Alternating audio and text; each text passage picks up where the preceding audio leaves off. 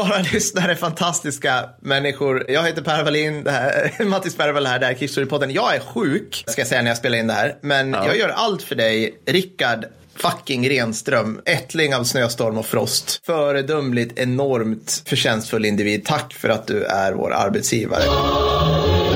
För det är ditt avsnitt där, eller hur Mattis? Ja, det är det. Och vi tack, jag även jag tackar storligen för detta. Ja, absolut. Och Rickard, du är så himla värdefull för oss. Inte bara för att du har gett oss någonting liksom konkret att prata om, det vill säga ett slag, punkt. Alltså så här, det, det uppskattas. Men Ja, också din ja. shoutout som kommer här när jag begår övergrepp på det ukrainska språket. Slava Ukraini, Heroiam Slava. Tror jag jag sa det där, Matt. Rätt, Ja, Mattis. ja, jag tror det. Jag tror det. Det vill säga är åt Ukraina, är åt hennes hjältar. Är det så på riktigt? Du vet? Men jag har för mig att Guru Ja, jävlar. Ukraina är nå- någonting åt det hållet i alla fall. Eller liksom är åt hennes hjältar. Slava Ukraina är i alla fall är åt, är åt Ukraina. Eller är över Ukraina. Ja, coolt. Det hade jag ingen aning om. Eller Slava, ja, Slava Ukraina hade jag hört. Vad ska vi prata om, Mattis? Det Vi ska viktiga. prata om slaget om Wien 1683. Jajamensan. Och, så, och som du konstaterade, det här är någonting som har varit lite mer rätt fram att läsa in sig på. De här allt mer depraverade grejerna som vi har fått som förslag. Eh, så snart så ska jag läsa in mig på EMU-krigen. Jag tror, Alltså, jag det tror det finns typ så en wiki-artikel som källa. Ja, ja, ja. Alltså det kanske skedde. Jag undrar om vi får ut en kvart av det.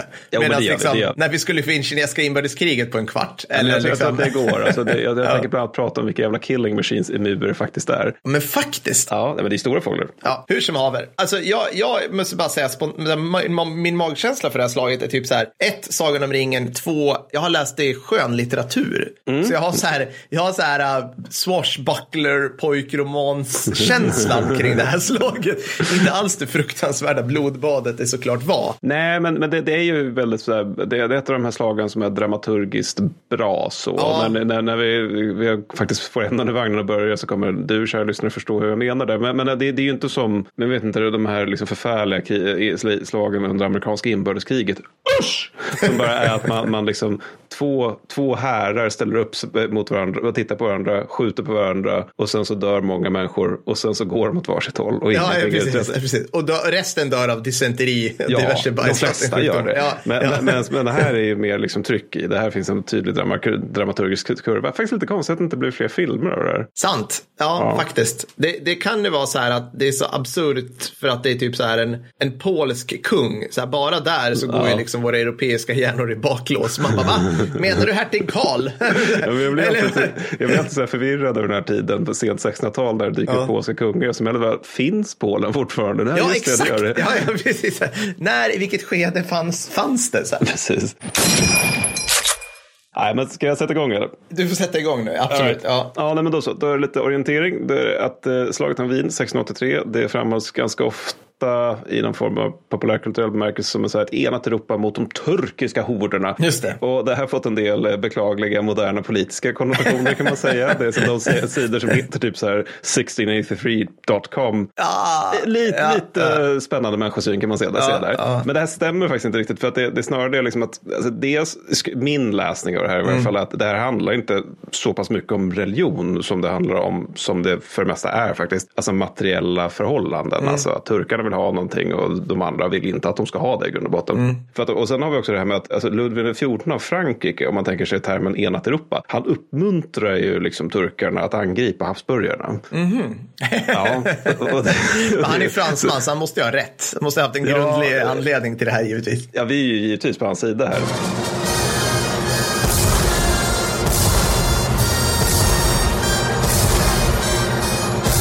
Ja, Kungen. ja, men. Men, men också att han avråder också polackerna från att att ingripa. Och han är liksom så här sjukt ointresserad av påvens appeller att göra det här till liksom en kristendom mot islamgrej. Liksom. orsaken är att Ludde har liksom realpolitiska intressen av att se Habsburgarna typ annekterade av turkarna. För att då kan ju han utnämna sig själv som en jag är Europas och kristendomens Ja. försvarare. Sådär. Men krigsutbrottet är i grund och botten liksom ungefär så här. Att turkarna har under hela 1600-talet slagit sig rätt ordentligt långt in Mm. på öst. Och Jag, Öst och Centraleuropa Mm. via Balkan till stor del. Då. Och orsaken till den här expansionen det är bland annat, förmodligen inte bara, men bland annat Mm. att det turkiska skattesystemet är så ineffektivt att krig är ett av de mer tillförlitliga sätten för staten att få in cash. Det är det. liksom, för, för det är väldigt mycket så här liksom att det finns mycket korruption i systemet. Det, det är också hela grupper som säger ni behöver inte betala skatt. Och så Nej. många som bara, bara vi orkar inte betala De skatt. bara, nej men då gör är det okej. ja, men jag ser framför mig mycket så här Isnogood-grejer. Att du har små massa Mm, jo. visirer av oklar så här, så här ämbetsmannanivåer som bara skickar pengar till varandra. Lite. Det, det, det har de. Ja, ja, De ja. om visirer. Men, men, men också när det gäller de här expansionerna då, då är det inte minst det här med att ta handelsleder eh, som är viktigt. Och det här känns kanske bekvämt, bekant för alla oss som är svenskar och eh, har läst om svensk 1600-talshistoria. Som är precis vad som driver oss till väldigt stor del av den tiden. Och svepskäl för att det blir krig det är typ liksom att turkarna säger till Habsburgarna att de vi nu tänker stödja citat kungen av centrala Ungern och hans anspråk då. Och han är då praktiskt nog en ottomansk vasall varför de då börjar köra. Och turkarna de är starka vid den här tiden. Men de är liksom förstås inte medvetna om att de också är på med, nedgång. Liksom. För att alltså, Det, det är man aldrig medveten om, tror jag. Ja, nej, nej, alltså, precis. Men man, det, jag det- lever i en civilisation på dekis.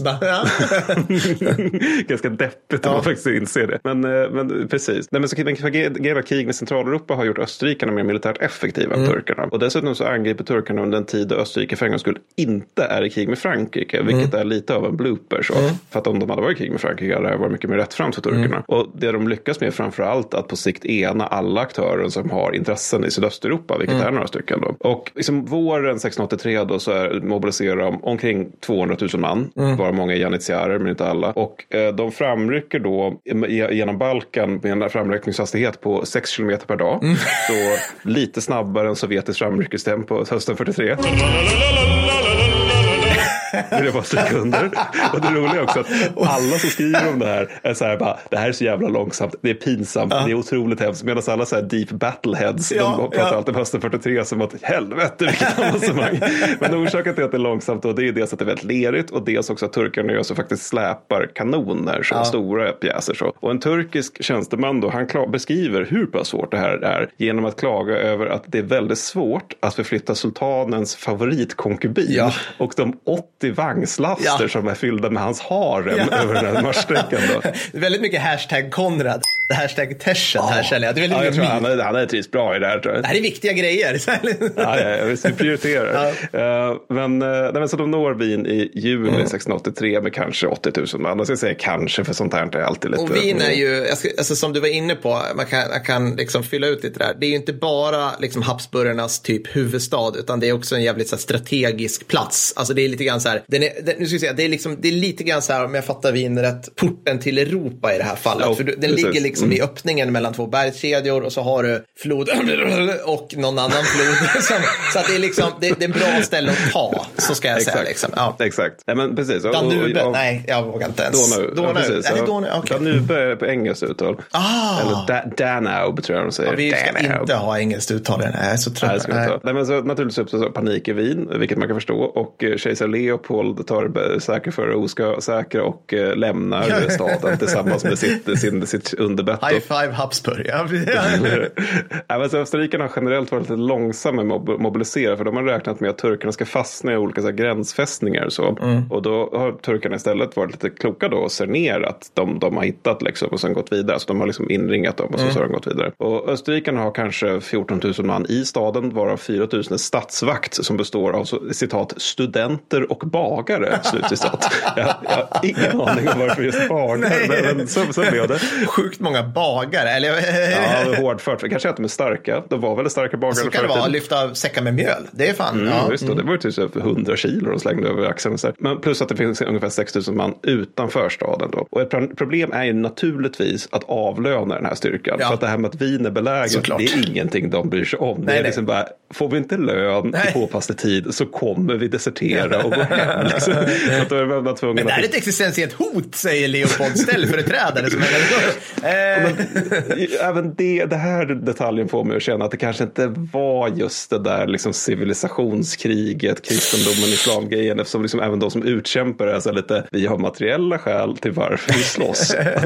men, ja, nej, men så att det ska, krävs att man skakar fram eh, pengar ur civilpersoner då, ja. för att de ska kunna avlönas. Och turkarna börjar panga på murarna i mitten av juli då. Eh, men trå tråkigt nog för deras del så har murarna förstärkts. Och det här är lite olyckligt för att de turkiska kanonkulorna bärs av kam kameler. Mm. Och de här kamelerna, de kan inte bära särskilt tunga kulor. Nej. Och det innebär att kanonkulorna studsar från murarna. Aha. Så det här är alltså val av dragdjur gör att det ah, faktiskt är svårt att ta sig igenom murar. Vilket course. är lite intressant. Ja. Så Solana blir den här typen av belägring som bara tröskar på. Liksom. Det blir naturligtvis det är desperat stämning bland försvararna naturligtvis. Och turkarna lyckas liksom en månad in i belägringen genomföra en minsprängning som tar en bra, bra bit in i Ravelina som det kallas. Vilket är typ så här försvarets utanverk. Mm. Och det här är bara en av många minsprängningar. Alltså mm. minsprängningar är att man gräver sig, tunnlar sig under och så, så dadam, detonerar man någonting under murarna. Då. Så livsfarligt svart krut alla 1600-tal. Det måste vara, bara det känns grimdark på något vis. Ja, ja visst, visst. Och det, tydligen så det är också motsappar naturligtvis. Mm. Och, vad jag förstår av den boken läste så ska man kunna, en del av de här som österrikarna grävde som mot, motåtgärder ska tydligen finnas kvar till viss mån i Wien idag. Eh, som man kan besöka på något sätt. Då. Mm. Eh, men, men, men, men österrikarna är inte heller inaktiva utan liksom om det är så att då, turkarna slår upp en bräsch via minstbestämning så blir det så här grisiga massakerliknande strider mm. om den bräschen och de gör flera utfall och turkarna gör flera anfall mm. och snart så grasserar naturligtvis dysenteri ja, i staden ja, ja. och all, allting är liksom typiskt 1600-tals slask. Liksom. Men och det här håller på, dock på så pass länge och det, det är lite intressant för, här, för jag börjar slogs av det att om den här liksom, staden bara fallit som ett korthus så mm. hade det kanske blivit lite grann som att Ukra om Ukraina idag hade fallit mm. som ett korthus. Det vill säga att omvärlden hade varit lite, ja det var ju tråkigt här en sanktion till Ryssland. Mm. Men nu var ju det här problemet att Wien och Ukraina inte föll vilket blir så här att då, omvärlden känner då att Ja. Det här kan vi liksom inte bara låta ske. Vi måste nog, nå, någonting måste vi göra. Det blir, det blir pinsamt för oss om vi, nu har det gått så lång tid att vi måste göra något. Ah, ja, ja. Mm, precis. Ja, och turkarna på den här tiden har ju till skillnad från ryssarna nu för tiden inte vätebomber. Så att man kan också liksom nu göra någonting ganska konkret där. Och då, då är det liksom att Polen är avtalsbundna att göra någonting. Och när mm. det här bara håller på så känner de att okej, okay, fuck it, nu kör vi. Mm. Så då, polackerna mobiliserar en rejäl styrka då som slår följe med ett myller av tyska småstaters arméer. Och polackerna anförs av sin kung Johan den tredje. Nu ska vi se här. Sobieski. Mm. So, so, Sobieski. Alltså polska är, är, vetenskapligt bevisat en av de svåraste språken i världen. Ja, så det, det kommer, alltså vi, vi klarar knappt av så här gymnasiefranska. så det är liksom... ja, nej, men så de är ute och traskar i myllan då mm. och de når Wien i september mm. när man länkar upp med österrikiska styrkor. Och nu har de, det är en ganska stor ordentlig styrka där. Det är då kanske 65 000 man där någonstans. Och grejen är att turkarna, de har förutsett att ingenting kommer kunna undsätta Wien på grund av liksom egentligen terrängen kring Wien. Just det, det är tät skog på stora... Ja, det är skogigt ja, är det. Mm. Och, och, eh, de känner också att de inte heller kan liksom släppa släppa belägringen efter så här lång tid när de väl inser att oj helvete nu kommer det, det, det kommer folk här mm. liksom. Så ergo så skickar de för små styrkor då för att möta den här ganska stora avlösningsstyrkan. Och resultatet är då ett påstyskt anfall som, som kommer i, liksom, den, dels krossar den lilla utskickade mm. styrkan och dels kör rakt in i ryggen på, på den belägrade styrkan. Just det. Och, det består inte minst av polska husarer som jag vill minnas att du hade. Ja, alltså det här är ju fantastiskt. Bara en, en, en avstick av husarer. Mm. Det här är då de bevingade husarerna som mm. finns precis överallt på internet och som du säger är så här 2012 svar på liksom kristendomens försvarare mot de muslimska. Alltså de, de har fått, fått stand in för en massa nasty shit. Ja, och framförallt så har folk fel, de kallar dem för tungt kavalleri, det var de absolut inte. Men jag vill bara ta det att husarerna är en cool grej, men diamant kan man säga till förband framtvingad av Polens geografi, mm. det vill säga Europas dörrmatta, det vill säga helt platt för allsköns ryttarfolk som känner för att bara dyka upp. Och då, då, liksom, då har man varit tvungen att ta fram en typ av kavalleri som jagar upp de här ryttarfolken och typ nö, alltså så här, har ihjäl dem på riktigt. Mm. Inte, inte det här liksom som vi vet från tidiga mongolinvasioner, liksom att vi gömmer oss i borgar eller du vet, vi, vi försöker liksom, vi blir hela tiden rundspringda tills bara mongolerna får nog, eller får tröttnar på Europa och åker hem bara. Liksom. Utan det här, de har liksom, de var tvungna att ha ihjäl de här. Supersnävig stridsteknik, är du med nu Mattis? Ja. Alltså, jag var tvungen att typ rita på papper och penna här. De, man dundrar in, man, man, man rider på brett. Tänk mm. liksom ryttarna av Rohan, alltså bred, alltså skitmånga hästar rakt på. Och sen strax, och det är för att man ska liksom ta på den elden, både liksom pilar och, och skit som fenen skjuter och kulor ska man ta på bred massa så att de skjuter liksom på alla. Men sen precis innan, då går man ihop i en kil som kanske är liksom, fan vet jag, 50 hästar bred max liksom. Fäller lansar, man rider in i fienden och lansarna är långa, vilket gör att de bryts lätt.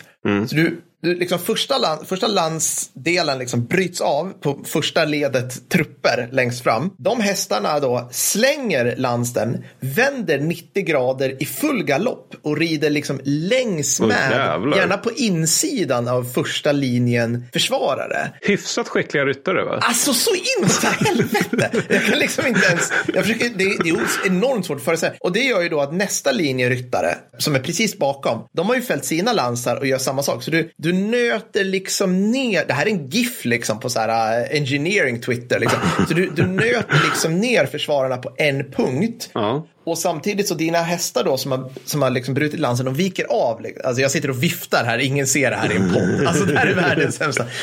Jag vet inte hur vi ska illustrera det. Skitsamma, och så gör de det. Och, så det är extremt uh, snävigt rytteri. Det, är- det är svårartat det här, jävligt coolt. Vet du hur många de anfaller med Mattis? Uh, var inte typ så här 25 000 i den polska styrkan? 25 000, men det är 18 000 husarer. Så jag har valt den siffran. Det är många husarer Ja. ändå. Nu kan vi få Per räknar jingeln. Just det här med siffror. Det här är svinhög siffra för stridsvagnar. Per blir arg och irriterad. Hur mycket många stridsvagnar? 3000. 2,9 respektive 3,8 miljoner man. 13 000 T72 i Östtyskland. Tack. Okej, vad med du här? Jag har räknat totalt ovetenskapligt på att en styck häst tar upp ungefär fyra kvadratmeter. Det är ungefär, det är inte det här rummet jag sitter i, men det är liksom om en, bara hästen nu, minus lansen. Vi räknar med att ryttarjäveln då har lansen uppåt så att han tar upp bara fyra kvadratmeter. Fyra kvadratmeter gånger 18 000, det blir 72 000 kvadratmeter. Det är lika mycket yta som Giga Texas-fabriken som man bygger, som alltså Elon Musk bygger nu i Texas för att bygga liksom alla allsköns elbilar som han får för sig att ta över världen med. Det, det betyder alltså att om du, om du sätter alla ryttarna där, då har du en kompakt hästmängd som är 1,1 kilometer lång och 400 meter bred. Jesus. Och om vi räknar att snittvikten på en kuse exklusive ryttare med rustning, vilket är ju då mycket, alltså bara hästjäveln väger 400 kilo. Då har du en hästmängd som är, väger 810 000 kilo. Det är Just alltså det. 81 000 ton. Just det. Och det här kommer ridande emot dig. Ja, det är bra tryck i den kraften. Alltså fatta ljud, fatta Ja, visst. lukten. Visst, visst. Alltså det är helt... Alltså, Sen också med de här, Ja. med de här vingarna som är på husarerna som, Ja. som väser och fräser i vinden också. Ja, ja, och så har du fe- alltså, så att det är inte så jävla konstigt att de tar sig egentligen, alltså om jag fattar det rätt Mattis, så bara, de bara brösar ner det här Mm. alla Sagan om ringen-style, skändar hela vägen fram till uh, Wiens murar i princip. Ja, alltså, liksom. de hade först, vad jag förstod var att de först hade tänkt liksom att ja, men vi, vi tar den här första lilla styrkan som de skickar iväg mot oss och sen Ja. så får vi förbereda för att liksom, ta oss an den stora styrkan. Men när de ser att den stora styrkan är så är det liksom att vi fortsätter belägra. Mm. Då tänker liksom att den polska kungen eh, att ja, vi, här är ju en chans vi inte får försitta. Nej, precis. Så hur slutar slaget då? Nej men alltså ungefär som du beskriver, alltså när de röjer in, alltså, men det är ju inte så att de, de är liksom bokstavligt talat i ryggen utan de, turkarna försöker naturligtvis formera sig men alltså det blir så ad hocigt och dåligt så att det, det, det är liksom väldigt snabbt så degenererar det här bara att det är ren flykt. Så att det är väldigt mycket mina stil faktiskt, Ja. alltså, precis som i filmerna att, att eh, den belägrande styrkan helt plötsligt bara tar till flykten och springer och sen blir det inte bra för dem när de springer för att de har hästar i ryggen. Och den, chefen för den turkiska styrkan han avrättas via strypning för att det här gick lite dåligt. Och också för att jag vill minnas att sultanen som jag för mig satt i Belgrad under den här tiden tyckte inte att man skulle göra så här. Han tyckte att man skulle, men kan vi inte liksom ge oss på de här gränsfästningarna Ja. först så att vi liksom stöd, fixar det här med logistik och så. Men det tyckte inte chefen för styrkan så att han gick vidare mot Wien. och sen så följer åratal av krigföring innan turkarna då skriver under ett fredsavtal där de eh, förlorar en sju helvetes massa terräng. Bland annat liksom en bra bit av dagens Ungern, Kroatien med mera i grund och botten. Och det, det, det här är också, det här brukar man ofta, det är ju inte vändpunkt riktigt. Men, men, men jo, det är väl kriget som helhet kan man nog se som en slags vändpunkt. För att det är på något sätt att liksom där pendeln börjar gå bakåt. Liksom att tidigare så här att det är turkarna som expanderar och liksom nu och fram till egentligen tidigt 1900-tal så trycks de snarare bakåt ner längs Balkan. Då, inte minst under 1700-talet. där utkämpar en så serie bara så blodiga nednötningskrig som successivt liksom trycker bort dem från Balkan i grund och Ja, botten. ja, med risk för att bli en statsvetarpodd så är det ju liksom, det här är slutet på 1600-talet, början på 1700-talet. Vi börjar ju bli, alltså Europa börjar närma sig någon form av modern ordning mm. med typ relativt centraliserade stater, det vill säga mm. som, kan set, som kan ha liksom ett faktiskt mål, vettig logist, vettig inom enorma situationer, men liksom som kan faktiskt sätta emot det som, det som var turkarnas USP, vilket var liksom det här härsmaktens känslan. Liksom, ja, visst. Men, men också att man, Europa börjar komma in i den här eran där det verkligen är den alltså liksom den starka kontinenten. Så ja. det är inte riktigt där än, men vi liksom börjar röja in i den. Så. Mm, precis. Så det var det. Det var det. Tack så hemskt mycket Rickard för det här. Det var svinkul. Hoppas du är nöjd. Jag hoppas vi ses på Tersenfesten i höst. Det hoppas jag också. Det gör vi. Ha det så bra så hörs vi. Yes, ha det gött. Hej då. Hej då.